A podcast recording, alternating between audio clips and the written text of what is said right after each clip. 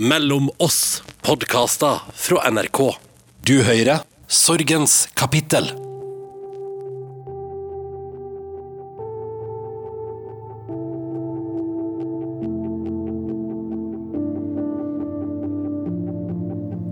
Når krisen er et faktum, så er det ekstremt mye som er viktig. Og en av de mange tingene er hva ble sagt for siste gang?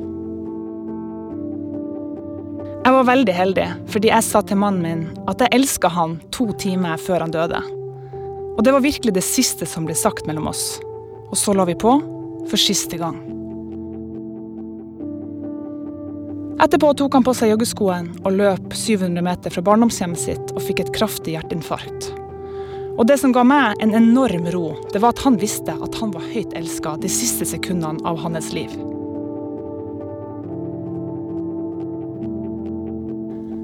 Jeg heter Karen Marie Berg, og du hører på Sorgens kapittel. Og her møter jeg andre som har opplevd det samme som meg, å miste en man elsker. En måned etter at min mann døde fra meg, så opplevde komiker Nils Ingar Odne å miste kjæresten sin, Ida Eide. Hun var bare 30 år og noen uker da hennes liv tok slutt. Nei, det er jo absurd hver gang man tenker på det, liksom. At vi At det bare At, at det tar slutt liksom sånn så brått, da. Det er liksom ingen forvarsler, ingenting. Hun vurderte om hun skulle reise bort den helga. Nei, jeg blir hjemme. Meldte seg på et løp dagen før. Litt på sparket. Jeg bare gjør det, liksom. Det har jeg tid til i morgen. Spiste middag kvelden før Nei, ettermiddagen før. For hun var ferdig på jobb, og jeg skulle da spille teater. Så vi bare møttes på en lokal pizzasjappe, tok en pizza sammen. Hun er på vei hjem, jeg er på vei på jobb. Og dro hvert til vårt, liksom. Og det liksom skulle bli siste gangen vi spiste middag sammen, det er jo helt uh, absurd, liksom. Og det er jo vanskelig å forstå, det er ikke sikkert man skal forstå det, annet enn at man må skjønne at det skjedde, liksom. Nei, det er ikke alt man kan forstå. Og det har vi måttet lære oss. Det å akseptere at det er ikke alt som er logisk her i livet. Og at våre kjære dør så tidlig, det finnes det faktisk ingen saklig grunn for. Historien om Nils Ingar og Ida den starter litt over to år før at hun dør. Det var jo ekstremt tilfeldig. Helt ut av det blå. Veldig mange tror at vi møttes via langrennsmiljø, som jeg har blitt en del av det siste året. Så du hadde tatt en pause? En pause fra humorlivet for å være toppidrettsutøver et år på fulltid. Og det prosjektet starta egentlig akkurat når jeg møtte Ida. Så at hun dukka opp akkurat samtidig, var 100% tilfeldig. Som også er tidligere langrennsløper og en del av miljøet som jeg skulle inn i. Så det var jo på en måte noen legoklosser som passa oppå hverandre der. Men Nei, det var etter et show på Beitostølen. Hun var på showet, for vi har noen felles venner med en kollega. Og så inviterte han de ned dit. Så møtte jeg henne bare etterpå. Og så tenkte jeg liksom Kom hjem at det sånn, Hun var jo veldig ålreit. Hun var ikke hun veldig ålreit? tenkte jeg. Ja, jeg spurte meg sjøl var, var, ikke hun veldig ålreit, hun? Svaret på det var ja. Så, så da Ja, da bare la han til på noen sosiale medier og litt sånn. Og så begynte vi nå å prate eller chatte litt der, og så spurte jeg om hun ville være med på date. da Være med på en løpetur. Og løpetur, ja. En løpetur, ja. For jeg visste jo at hun var sprek, Så, og det ville hun. Så var det ganske sånn Det var liksom Det var ikke noe tvil om at jeg hadde lyst til å møte henne igjen og igjen og igjen. Når det var mulig, da. Så jeg var liksom aldri tvil om at jeg skulle be henne på ny date og ny date. Av en eller annen grunn. Det har seg sånn at når den store kjærligheten kommer seilende forbi, eller smygende, alt er det som, så er det vanskelig å sette fingeren på hva det er som gir deg denne følelsen. Den følelsen av at det her er riktig. Det er vanskelig å sette fingeren på det. Og for Nils Ingar, som hadde vært singel stort sett hele livet frem til at Ida kryssa veien hans, så falt endelig brikkene på plass. Ja, her er det noe annerledes. Her er det en eller annen kjemi. Her er det noe som jeg slapper av når jeg er sammen, og hun er ålreit. Hun har kule interesser, og hun eh, Hun var jo veldig flott, og så var hun leken, og hun var en veldig kul jente. Skikkelig bein i nesa, liksom. Uh, så hun var jo det. Egentlig, det tror jeg har sagt i et eller annet intervju en eller annen gang. Man blir alltid spurt sånn Ja, Nilsi, du er jo singel. Hva ser du etter? Uh, og, så, og da sa jeg liksom Jeg er ute etter ei dame som er litt trøkk. Ikke ei sånn jente som er sånn Nei, jeg veit ikke, du kan bestemme. Hver gang, liksom. For det orker jeg ikke. Uh, og der var hun definitivt ikke. hun var, hadde klare meninger og det var jo turboliv, liksom. Det var jeg som dro tempoet ned i det forholdet. Den så du kanskje ikke komme? Nei. Vi hadde jo en veldig sånn uh, fin start, egentlig. Eller sånn perfekt for meg, som hadde vært singel så lenge. Fordi at hun, hun jobba i Stavanger. Uh, så hun helgependla til Oslo. Som gjorde at det ble veldig sånn intensive helger hvor vi var sammen.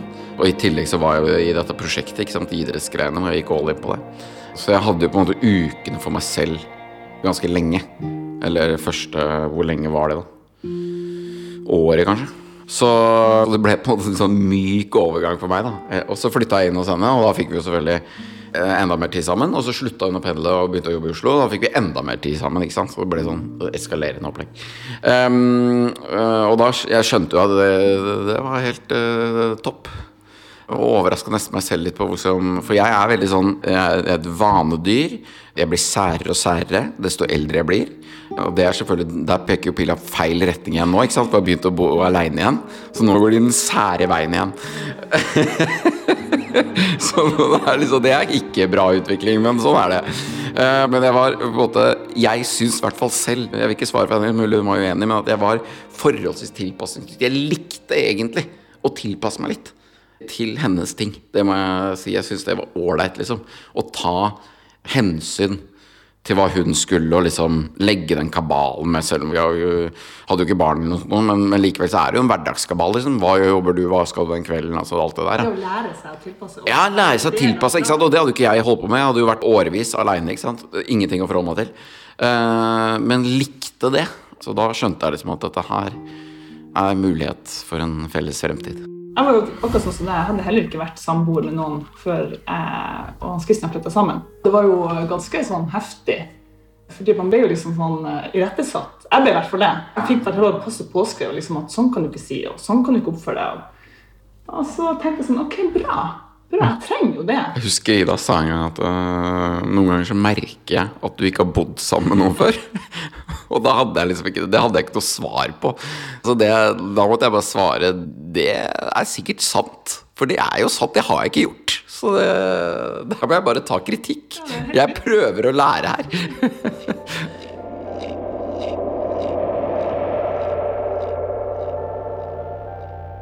Vi fikk jo da litt over to år. Og sånn som jeg følte det, så var det liksom Siste delen av det var sånn Ok, nå, nå begynner dette her å funke bra, liksom. For nå kan vi ta opp ting. Når ting ikke, er, ikke funker, så kan vi snakke om det. Og så endrer vi litt på det, og så går vi videre. ikke sant? Og det er jo på en måte sånn dynamisk forhold er. Det er jo sånn det er. Det er jo utvikling. Det er utvikling. Ja, det er jo hele tiden det, ikke sant. Og vi var liksom Vi var gjennom den derre, hva skal man kalle innkjøringsfasen på en eller annen måte. Hvor det er litt sånn Ja, man må jo bli ordentlig kjent. Og man må ikke bare bli kjent med liksom sitte over bord og snakke sammen, men man må bli ordentlig kjent, liksom. På å omgås hverandre, da. Det følte jeg liksom at vi var gjennom. jeg har tenkt på mange ganger Jeg er veldig glad for at den siste tida med Ida har jeg sånn ekstremt godt inntrykk av.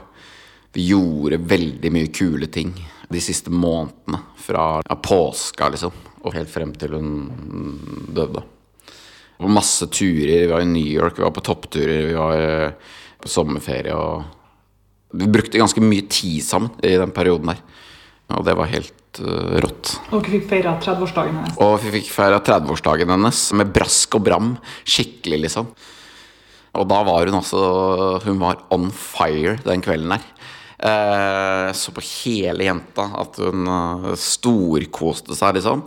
Masse gode venner feira med en god venninne sammen, og det var veldig, veldig god stemning. Og jeg er veldig glad for én ting der. Fordi eh, når det var den 30-årsdagen, da var jeg i en prøveperiode til et teaterstykke som jeg skulle spille i. Som var min teaterdebut. Jeg driver jo egentlig med standup. Så jeg var forholdsvis fokusert på det. Og så plutselig gikk det opp for meg fader, det er jo 30-årsdagen til kjæresten min, jeg må jo si noe, liksom. Det er klart jeg må si noe. Jeg følte på et tidspunkt at øh, det har jeg ikke kapasitet til oppe i hodet mitt nå, for det er så mye manus og ting der oppe. det er stykket. Men øh, så klarte jeg likevel å skrive en tale til henne i diktform, som ofte en form jeg bruker. Uh, og det er jeg glad for at jeg gjorde. For det var ganske kult. Fordi jeg så også Eller hun sa jo også at hun likte det veldig godt, så det er klart det Det betydde jo veldig mye husker jeg hun sa dagen etter. Hun var, hun var faktisk ikke den som strødde om seg med komplimenter. Så, men, men, det likte hun, og det, ja, det er jeg glad for. Livet forandrer seg når vi minst aner det. Vi våkner til en dag og tror at den kommer til å bli helt normal. Akkurat sånn som ja, hverdag. Men den første helga i september 2018, den skulle bli fatal. Den skulle avslutte Ida sitt liv, og den skulle forandre Nils Inga sitt liv for alltid. Men som sagt, det starta med en morgen hvor alt var helt normalt. Jeg er ganske glad i å stå opp tidlig, så jeg sto opp ganske mye før henne. Og så skulle jeg ut eh, Jeg skulle ikke være med på det løpet, fordi jeg hadde en kneskade. Hvis ikke så gjorde vi jo den type ting sammen. Vi var jo med i konkurranser sammen og, og delte det, liksom. Så jeg skulle gå på rulleski med en kompis. Så jeg øh, Jeg gikk inn til henne før jeg dro ut. Og så la meg litt på senga sammen med henne og bare prata litt øh, lett. Holdt jeg på å si, om at hun skulle løpe det løpet og sånne ting. Liksom. Og bare Jeg drar ut nå. Og så dro jeg bare ut. Og når jeg kom tilbake, så hadde hun reist på det løpet, da. Mm. Det er jo helt vilt, ikke sant. Hvis du spør meg liksom hva gjorde du 3. februar i fjor? Så har jeg ikke aning. Men den dagen her kan jeg liksom Jeg kan gi nesten alle klokkesletter. Jeg vet at jeg dro ut på en rulleskitur kvart over ni med han kompisen min. Og hvorfor i all verden husker jeg det, liksom? Det skjønner jeg ikke. Men jeg, det, det, var kvart over ni. Jeg er helt sikker. Um, nei, det som skjer da, er at jeg kommer hjem. Hun er jo ikke der. Og det skal hun jo ikke være, selvfølgelig. Og så sender jeg melding til henne at Eller jeg ønsker henne lykke til. Klink til i løpet, liksom.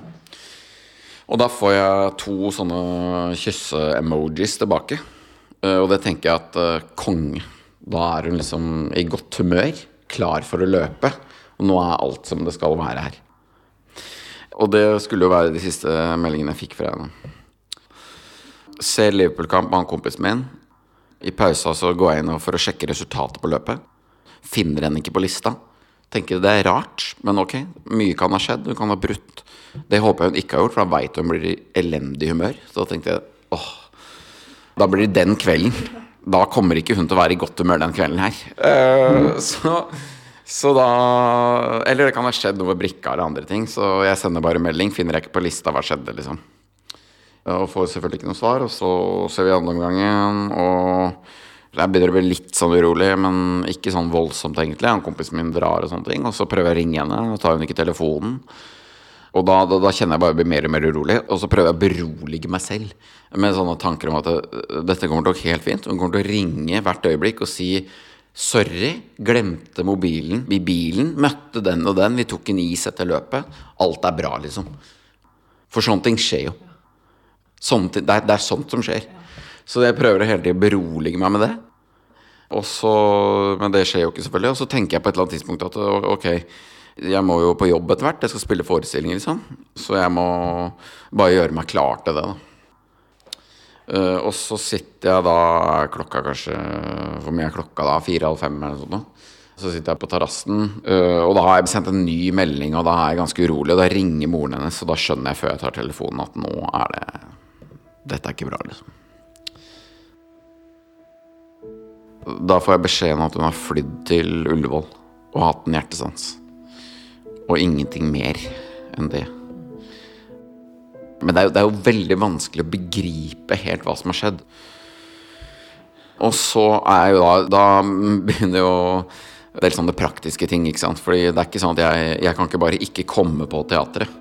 For da blir det ikke noen forestilling. Så jeg øh, Ja, det er, sikkert, det er jo mange som har det sånn i jobben sin, men man har hatt en kontorjobb, så kan du på en måte bare Det går jo greit, liksom. Men her er det jo Enten så må det avlyses, eller så må den forestillingen gå. ikke sant? Hvis det skal avlyses, så må publikum sendes hjem. og være noe ringvirkning. Og man kjenner jo litt på det. Så ærlig skal jeg være, som artist, liksom. For det å ta det valget, da, om at liksom Jeg kan ikke komme. Da er det jo en hel gjeng som har kjøpt billett som må sendes hjem. Det føles ikke noe særlig ålreit å gjøre, da. Eh, Så det er jo min første tanke. Jeg er veldig usikker på det. Skal jeg spille den forestillingen eller ikke? liksom Så Jeg snakker med foreldrene, de setter seg i bilen på vei nedover fra Beitostølen. eh, Og de sier at eh, spill den forestillingen. Jeg tror faktisk Aida er sterk, så dette kommer til å gå bra. Og alle tenker jo det. På, selvfølgelig tenker man det på dette Men det er tidspunktet. når man gjør faktisk det. Ja, man gjør det, og jeg tenkte det jo lenge. Ja. Men det skal jeg komme tilbake til. Og så går jeg på teatret, og så er jeg veldig usikker på hvis jeg sier noe nå til de andre skuespillerne om det som har skjedd. Eller skal jeg bare liksom spille forestillingen? Og så, og så bestemmer jeg meg for å si det til hun ene, og hun bare Det må ha vært et eller annet i trynet mitt, eh, i hele ansiktet. For hun sa bare med en gang sånn Hva er det? På en sånn måte som liksom Dette er jo alvorlig. Jeg hadde ikke begynt å si noe ennå, så man skjønte jo det. Og så gikk jeg ned i skuespillerfoajeen, og så sa jeg det til, til flere der, og da begynte jeg jo å gråte, selvfølgelig. Og da sa jo de eh, at eh, du skal til Ullevål. Vi avlyste, og merker jeg at jeg blir rørt når jeg snakker om det, for det var så Det var veldig sånn Ja, det var jo mye medfølelse i det, selvfølgelig. Eh, Og de sa liksom Ikke tenk på hva som skjer her. Vi tar oss av alt det. Bare kom deg av gårde. Og så vet ikke jeg hva som skjedde der, men da ble vel ting tatt hånd om. Og så dro jeg på Ullevål, og det er jo først når du kommer dit at du skjønner alvoret, selvfølgelig. Det er det. Da skjønte jeg jo ja, ja. Da går det opp for deg, det alvoret, liksom. Eh, Hjertet hennes har jo begynt å slå igjen, så hun er jo da i live, men altså, hun sover, da. Jeg vet ikke helt eh, hva terminologien er på det, om det kalles kunstig koma, eller hva det kalles, men hun er i hvert fall liksom ikke bevisst. Og snakke med foreldrene i i telefonen igjen, da skjønner jeg også at liksom det har ikke helt synket inn hos dem heller. Og det skjønner jeg jo veldig godt, for det er jo akkurat det samme som hos meg. ikke sant? Det er at det er når du kommer dit du skjønner alvoret i det. altså. Inni det rommet, Den følelsen av å gå inn i det rommet er jo helt, den er helt forferdelig. Eh, du ser at liksom jenta mi ligger der med de Jeg ble jo advart før jeg gikk inn av sykepleierne. Eh, fantastiske sykepleiere der oppe som tok meg imot på en veldig, veldig god måte. Eh, og de advarte jo dette. Det er veldig sterkt, og det er jo sterkt når du ser det. Men jeg tenkte liksom Jeg tenkte så positivt som overhodet mulig, og jeg skjønner jo i ettertid Det er først i ettertid jeg har skjønt at det han, legen, sa i den første samtalen, det var at dette kunne gå dit at vi mista henne. Men det ville jeg ikke ta inn over meg da, liksom. Der og da så bare tok jeg alle de positive signalene så langt det gikk. Det var de som kom inn, ikke sant. Absolutt alle hårstrå som kunne liksom tas tak i, tok jeg tak i. Og det som var liksom worst case scenario, det ville liksom ikke ta tak i det, rett og slett. Jeg hadde jo akkurat det samme opplegg. Det der at man tenker så ekstremt positivt. Han hadde jo vært borte i, i Da jeg fikk vite dette, så hadde han vært borte i seks-åtte timer. Og det er jo helt unormalt. Da visste jo egentlig alle de andre at han, han er ikke med. Nei. Mens jeg tenkte han har fått et illebefinnende. Han er dehydrert, han har knekt et bein og alt Ja. det der. Han bare klarer ikke å komme seg hjem. Og så tenkte jeg også at oh, han kommer til å bli så stressa over at det har vært så mye styr rundt det her når han kommer tilbake. Ja. Det er så mye som, som man, man lager seg sitt eget eventyr, på en måte. Man lager seg sitt eget eventyr. Det er helt At Det skal bli happy ending her. At det skal bli bra. Jeg satt jo de første Eller i hvert fall noen av de første gangene jeg satt aleine med henne inne i det rommet, før jeg hadde fått beskjeden om hvor dette kom til å gå, så husker jeg også at jeg tenkte at jeg skulle fortelle henne Det er jo litt det du sier nå. Da. Fortelle henne alt. Alt som skjedde. Vi måtte avlyse på teateret. Bare grunn av deg, liksom. At vi skulle sitte og le av det. Og liksom, herre, men det var bra det gikk bra, da. Ja, det så jeg for meg da, liksom. Um, så det er helt merkelig, altså, hvor, man liksom tar tak i det positive, men på en eller annen måte så må det være menneskelig. Og, og på en eller annen måte så er det vel kanskje bra også, at man liksom tviholder litt på håpet, da. Så lenge det er mulig. Men så går det jo ikke sånn. Nei. Det eventyret får ikke noe happy ending. i det hele tatt. Det var for ærlig for meg. Hvor var du da du skjønte at nå var du alene? Nå var Ida et helt annet sted. Vi fikk jo beskjed om å dra hjem, så vi dro hjem for å sove. Jeg sov ikke. Tror jeg. Jeg i hvert fall drømte noe helt vanvittig. Det husker jeg ikke om hva var, men det var bare kaos i hodet. Så det var vanvittig uro i kroppen. Kanskje sånn halvannen time, og så ringte de fra sykehuset. Jeg hadde lagt mobiltelefonen på maks ringelyd rett ved siden av puta. I helt sånn panikk for å ikke våkne, for de sa jo at de vil ringe hvis det skjer noe. I utgangspunktet så skulle det ikke skje noe, for hun var stabil. Men det, det gjorde det, og da sa hun situasjonen er dramatisk forverret. Det var beskjeden jeg fikk da, som var den verste telefonsamtalen jeg har fått. Og så faren hennes så hos meg, så jeg gikk inn til han og så fortalte det. Som var jo ganske tøft, selvfølgelig. Og så kjørte vi til sykehuset, og da fikk vi jo beskjed med en gang vi kom dit, om at dette ikke kom til å gå bra. Så det er egentlig først i det øyeblikket jeg skjønner det, når vi får den beskjeden.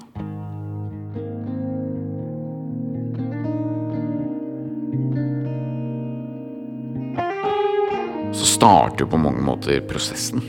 Det er, jo, det er jo det som skjer. Det er jo startskuddet for den prosessen som fortsatt går, og som har så mange faser. Og dette vet jo du mye om, som det går opp og ned, og det går i Ja. Og det er veldig mange ulike perioder i den fasen. Og den, den begynner jo der, og den varer sikkert i mange år. Ja, Den begynner umiddelbart. Den begynner umiddelbart. Ja. Jeg så for meg hele livet mitt. Jeg tenkte sånn, ok, Hvordan blir livet mitt nå? Jeg liksom prøvde å stable med en gang. altså Det samme kveld for å vite at han er død, faktisk. Så bare begynner å tenke sånn, ok, hvordan skal vi fikse det her? Det er helt merkelig, altså. Og det er helt Det er, altså, det er altså så uh, Det er så vilt mye man klarer å tenke på. Folk spør sånn Ja, du har sikkert ikke tenkt på det, men jo, jo. Det har jeg tenkt på. Jeg har tenkt på absolutt Det er ingenting jeg ikke har tenkt på.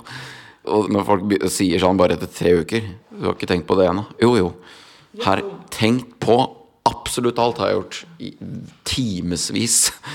For hjernen bare går og går, og du prøver å begripe hva som skjer framover. Og, og begynte jo på sjukehuset allerede å snakke om hva skal du gjøre med huset.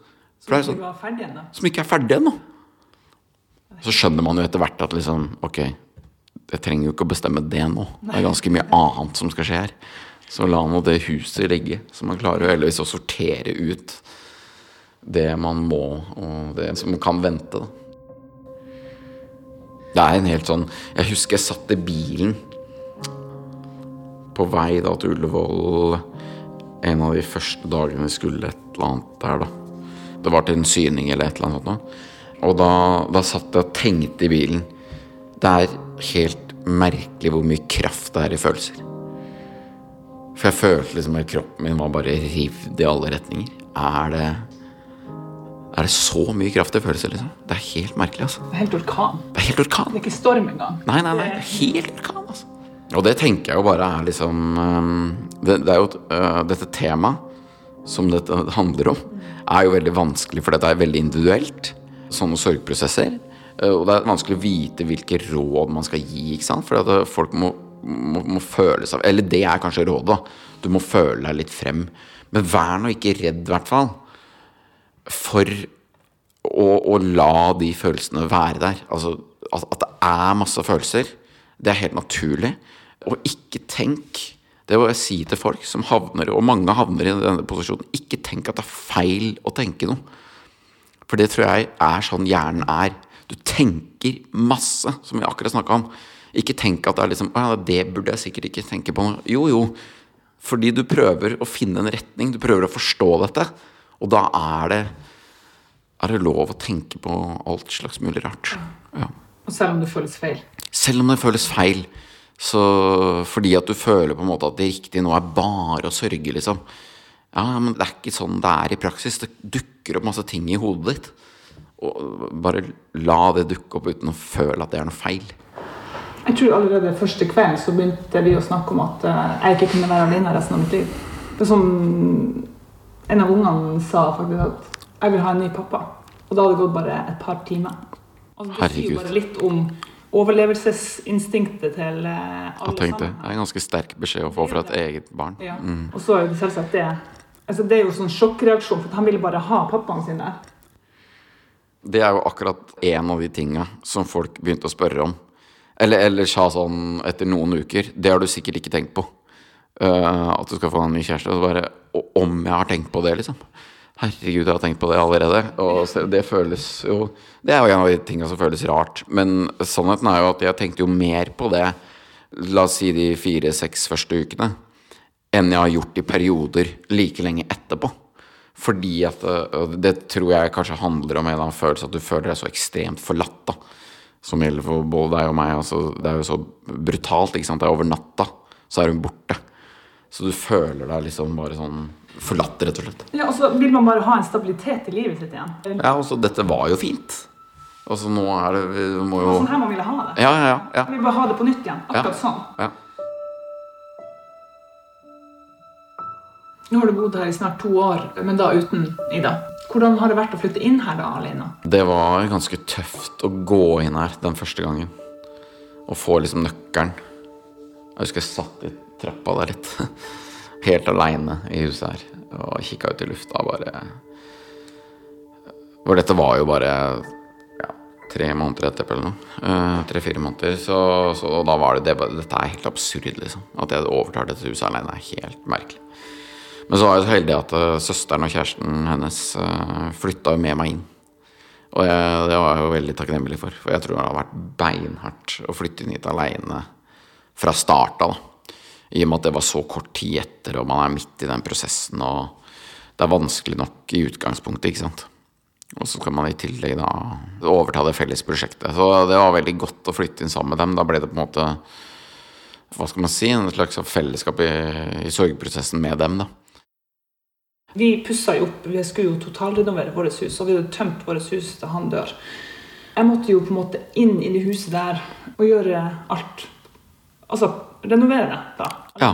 Men det er jo litt godt også eh, at liksom, ok, der kom det et nytt kjøkken inn. Så man ikke sitter og klamrer seg fast i kjøkkenbenken og bare sånn Å, her ble det smurt nistepakka av Christian Ikke sant? For det, Ja, det ja. gjorde jeg. Jeg holdt jo i kjøkkenbenken i den gikk ut. Den det gamle kjøkkenet. Men så var det jo bare veldig deilig å få et nytt kjøkken.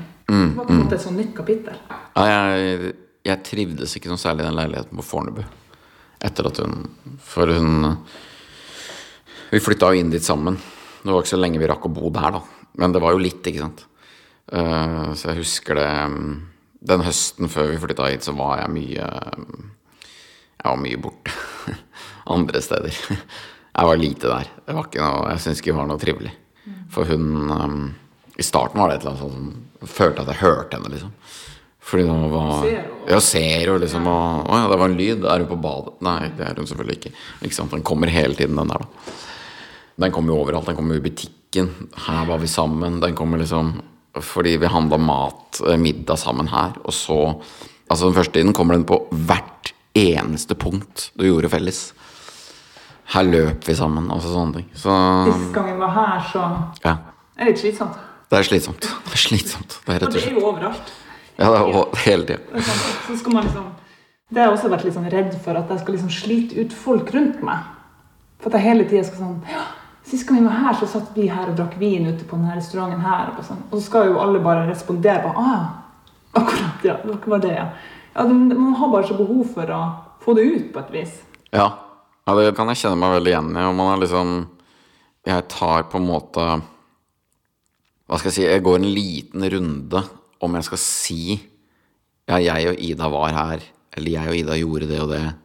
Ja, jeg var der med henne. Eh, eller om jeg bare skal si jeg har vært der før en eller annen gang. Og det tror jeg er bare fordi at eh, jeg vet at hvis jeg sier jeg var her middag så kommer de til å føle på det. Uh, og da blir de usikre på hva de skal svare til meg. På en måte. Mens jeg syns jo bare det er godt å si det. Jeg syns det er godt å ta med de minnene. Tenke at ja, vi var jo der, og det var kjempefint. Fordi Ja, jeg tror nok folk er redd for at jeg da tenker at det er et sårt minne. Mens det kan være bare et veldig fint minne. Og de vil man jo ha med. Man vil jo det. Ja, Og man vil jo ha folk med på det. ja, ja. ja. ja. Så du er også litt redd for å slite ut folk med Ja, man er litt redd for det, ja. Man er redd for at han skal tenke sånn Nå skal han snakke om det igjen. Men de må bare holde ut. Ja, de må det, altså.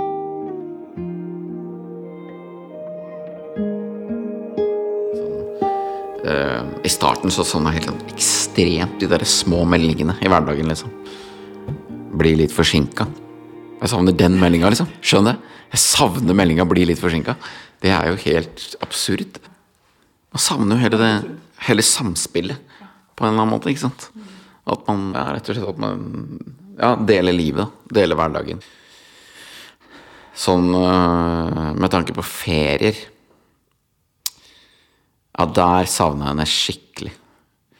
Fordi øh, jeg er egentlig ikke sånn sykt glad i å reise og sånne ting. Så jeg har liksom Nå er det sånn Det er nesten ingenting jeg har lyst til i en ferie. Og da kan folk sikkert si sånn Ja, man kan finne på noe gøy, da. Ja, men jeg vet ikke hva Hva er gøy, liksom? Jeg er ikke Det handler bare om å komme seg gjennom den ferien. Ja, det handler mye om det, ja. Men hva du fyller ferien med, da? Det har vært mye trening, ass. Jeg har jo Det prosjektet er jo inne i sin femte sesong. Og det skulle være et år. Og det er jo i hvert fall treningsmessig på et høyere nivå enn noen gang. Så, så det har vært eh, intense mengder trening i feriene. Eh, Og det har jeg likt. Eh, Det har jeg elska, egentlig. Men hjelper det på hodet også? Ja, hjelper mye på hodet. Og det var jo mye lettere å gå tilbake til det enn til scenen i starten. Fordi eh, det sier seg kanskje selv, altså en tur i marka det er jo en slags terapi. Ikke sant? Det er lettere å gå og gjøre det, da.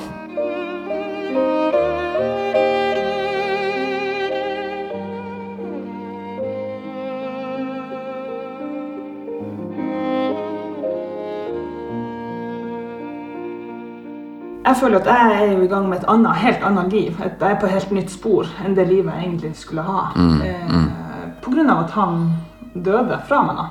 Og av og til irriterer det jo meg over at jeg må liksom gå i gang med her, et helt sånn sidekapittel til det livet jeg egentlig skulle leve. Hvordan er det for deg? Føler du at du må begynne med begynne et nytt spor? Ja. Leve livet helt annerledes enn du egentlig hadde tenkt? Jeg føler jo det.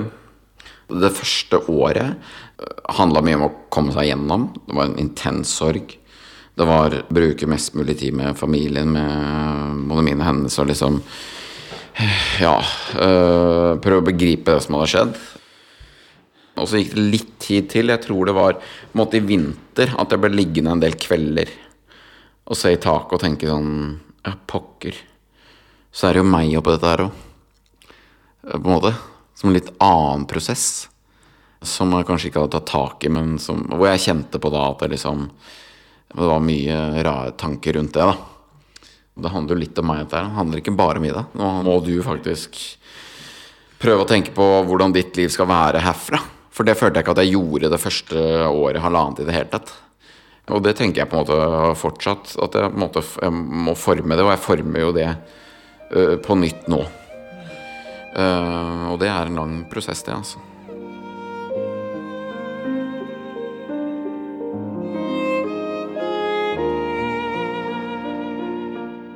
For meg så var det vanskelig i starten å se fremover. Helt i starten var det veldig vanskelig å se fremover. Uh, ikke, altså helt, helt i starten så ser du jo knapt en uke, ikke sant. Hva, hva skal du neste dag? Bare det er vanskelig nok å bestemme seg for. Um, og så går den prosessen, og så var det lettere for meg å se lenger og lenger frem, da.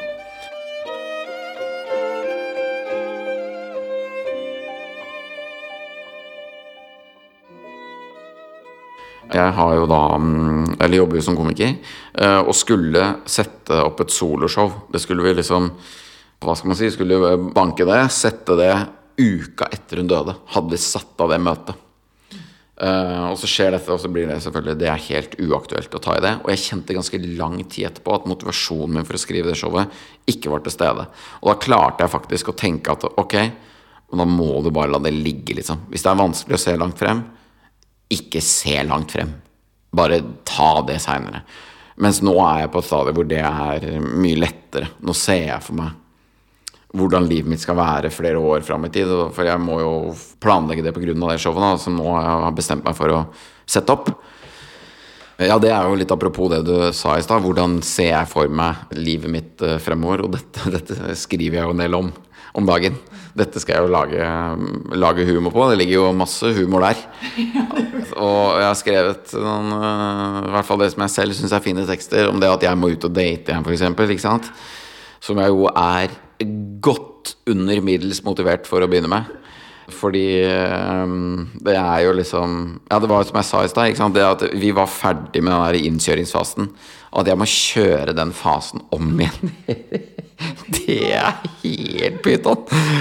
Det er helt pyton, og det Du har investert så mye i det her. Ja, investert masse. her. Bare bretta opp og bare visst av sine innerste og sine dårlige ting, og så man, må man gjøre det på nytt. Ja, og, man, og, og med tanke på at man er sær, at man blir særere og særere, og så at man må gå gjennom alt dette med en eventuelt ny partner. det har du også tenkt på? Ja, det har, det har jeg også tenkt på. skjønner. Ja, det har jeg tenkt på. Dette, dette kommer en liten bolk om i det showet jeg skriver på nå. Men for det tenker jeg også på jeg var så, Rett før han så lå jeg faktisk på en solseng og så han eh, i bassenget med ungene sånn, og lekte. sånn. Og det, det her var faktisk faktisk to uker før han dør. Jeg må jo flire litt, for det er jo tragikomisk, egentlig. Men, eh, men eh, for jeg lå der og tenkte sånn ah, Jeg er så glad. Vi har ti år bak oss. Vi har eh, slåss og krangla og kommet oss igjennom alle der. Og han mm. elsker faktisk fortsatt meg. Og jeg elsker den fyren der som er i det bassenget der. Og så i tillegg så har jeg sånn en åreknute på leggen etter at jeg fikk de ungene. Tenkte sånn og han er fortsatt veldig glad i meg. Selv ja, ja, ja. Jeg slipper liksom gjøre meg til. Og, og, så, og så nå, da. Nå er det jo to, to og et halvt år siden. Vi, vi mista jo begge våre ganske kort tid imellom. Ja. Så er det sånn at jeg tenker sånn Jeg må jo i gang med sånt liv. Jeg, må, jeg, er jo 40 år, jeg kan ikke drive på og surre rundt alene. Men da skal man liksom dem skal bli kjent med, eller Den personen skal bli kjent med alle mine rariteter. Ja, ja. Som jeg egentlig ikke man har lyst til å trekke så veldig mye frem. Men det må jo opp i lyset igjen. Ja, ja akkurat det. Ikke sant. Alt det der må frem. Det som man hadde liksom brukt tid på å gå igjennom. Jeg skjønner at jeg skal i gang med det, og jeg vil, vil det jo. Men eh, jeg vet ikke hvordan jeg skal komme dit. Nei, det, og det, det er akkurat der jeg er nå også. Jeg bare Jeg veit ikke om jeg orker å begynne, ass.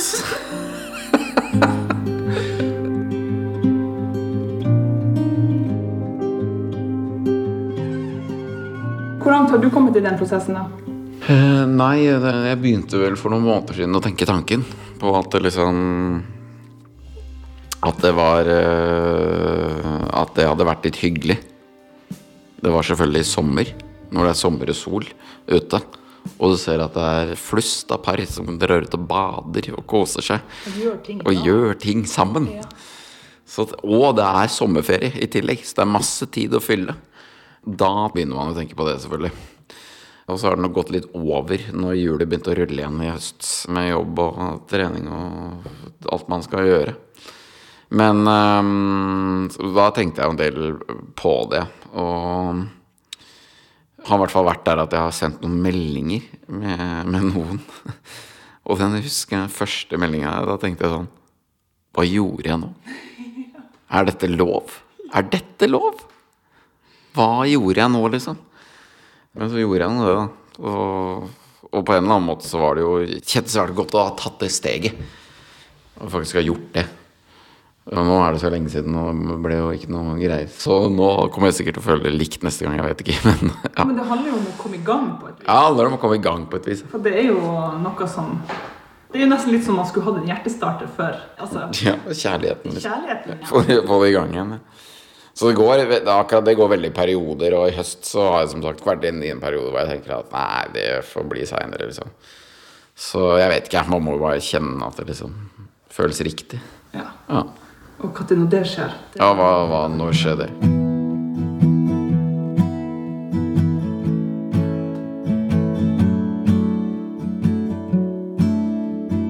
Men du, tror du noen gang at du kommer til det punktet at uh, du kan klare å elske noen like høyt som du elsker Ida?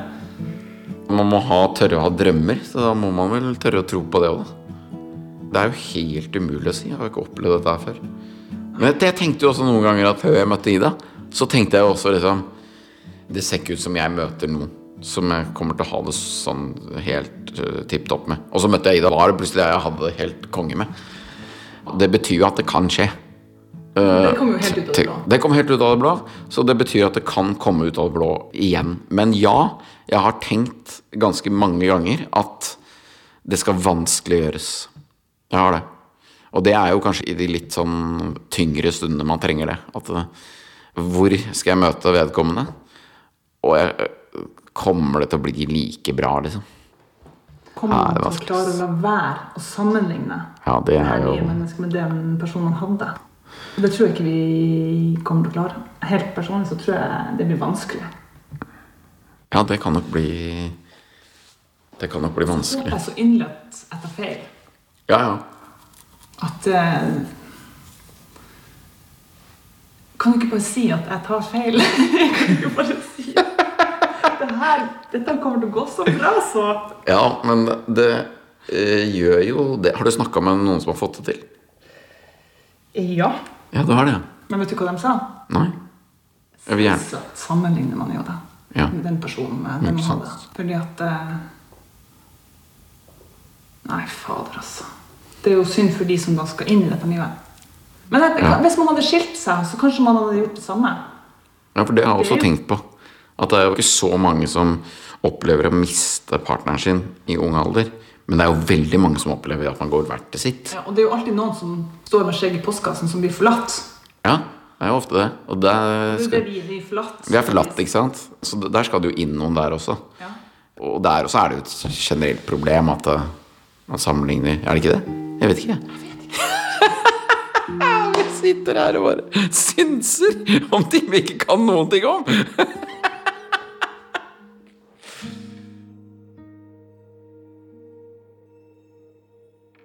Etter at Christian døde, og etter at tida har gått, så kjenner jeg også at denne sorgen har fått en ny form, og jeg har et sånn enormt behov. Altså Nesten som at jeg har sånn fyrverkeri i kroppen min. Det skal bare leves. Herregud, så det skal leves her, altså. Ja. Eh, Jeg, jeg, jeg kjenner meg igjen i det. Det er ting jeg virkelig brenner for. Som jeg har lyst til å gjøre. Jeg har lyst til å bruke For det kan også være sånn i min bransje at det dukker opp ting som er sånn Ja, dette er sikkert sånn skal si, smart karrieremessig, eller dette er sånn Men så er det ikke liksom noe som jeg 100 har lyst til. Og da har jeg blitt helt sånn Det gidder jeg ikke. Det gidder jeg ikke å bruke livet mitt på. Jeg skal bruke livet mitt på ting som er bra. Og det skal være et best mulig liv. For man veit aldri hva som skjer. Oss. Var du så fokusert på akkurat det før Ida døde? Nei. Eller har det kommet i kjølvannet av Ja, det har, det, det, kom, det har blitt sterkere, i hvert fall. I kjølvannet av at eh, Ida gikk bort. Altså. Og så handler det om å fylle livet sitt med gode folk. Med gode folk. Best mulig folk rundt seg. Det er de man skal omgås, da. Men om et år, da? Hvor er du da? Hvor er jeg da? For det første så kommer jeg til å, rent sånn fysisk til å være her. Ganske lenge framover. Men det er veldig deilig å, å kjenne at eh, Nei, jeg, skal, jeg, jeg blir boende her. Med mindre eh, det skjer et eller annet som man ikke vet, da. Man møter noen eller et eller Noe annet. Men- som kommer helt ut av det blå? Helt ut av det blå.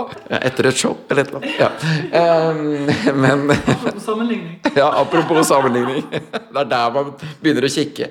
Eh, Så det føles på en måte som en sånn trygghet. Jeg slipper å gå rundt og tenke på det. At jeg skal selge et hus og flytte og sånne ting. Det, det gidder jeg ikke. Og jeg kommer til å jobbe med det jeg jobber med. Alt i alt så tror jeg livet er ganske likt nå. Det er det jeg ser for meg. Det livet du har nå, det vil du fortsatt ha. Ja, egentlig. Det er et godt liv du lever, da. Ja, jeg vil si det. Jeg har gjort det Gratulerer med det. Ja, jeg føler at jeg, Så herlig å høre. ja, jeg, føler at jeg har gjort det, det beste ut av det, liksom. Og så er det selvfølgelig perioder.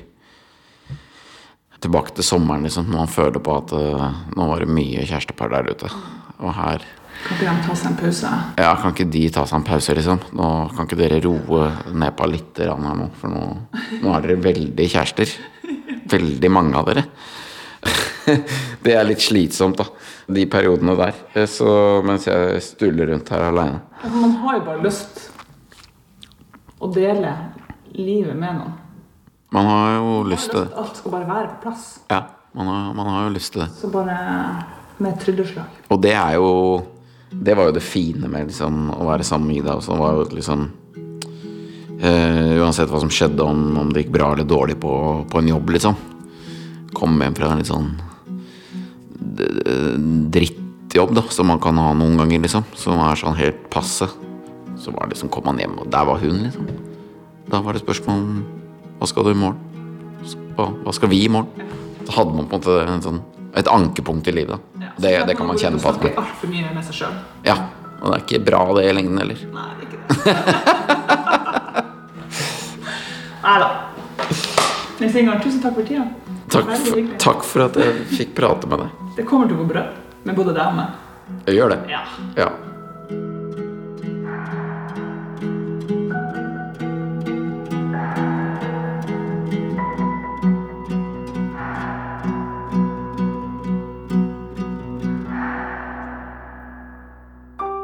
Januar kommer neste episode i Sorgens kapittel. Her møter du assisterende helsedirektør Espen Rostrup Nakstad. Han opplevde å miste sitt livsvitne, tvillingbroren Anders. Og jeg eh, den dagen var på vei til Toten alle steder for å holde et foredrag for, for Sivilforsvaret på et kurs. Og sto og holdt et foredrag for både politifolk og redningsfolk og andre der oppe sånn på formiddagen. Eh, Og så var det en pause hvor jeg gikk ut, og der sto det en PC ute i gangen eh, hvor VG Nett eh, var på forsiden. Og da så jeg et, et knust gult helikopter da, som lå på det bildet. Hør Sorgens kapittel med Espen Rostrup Nakstad i radioappen NRK Radio 27. januar. Du har hørt en podkast fra NRK. Hør flere podkaster og din NRK-kanal i appen NRK Radio.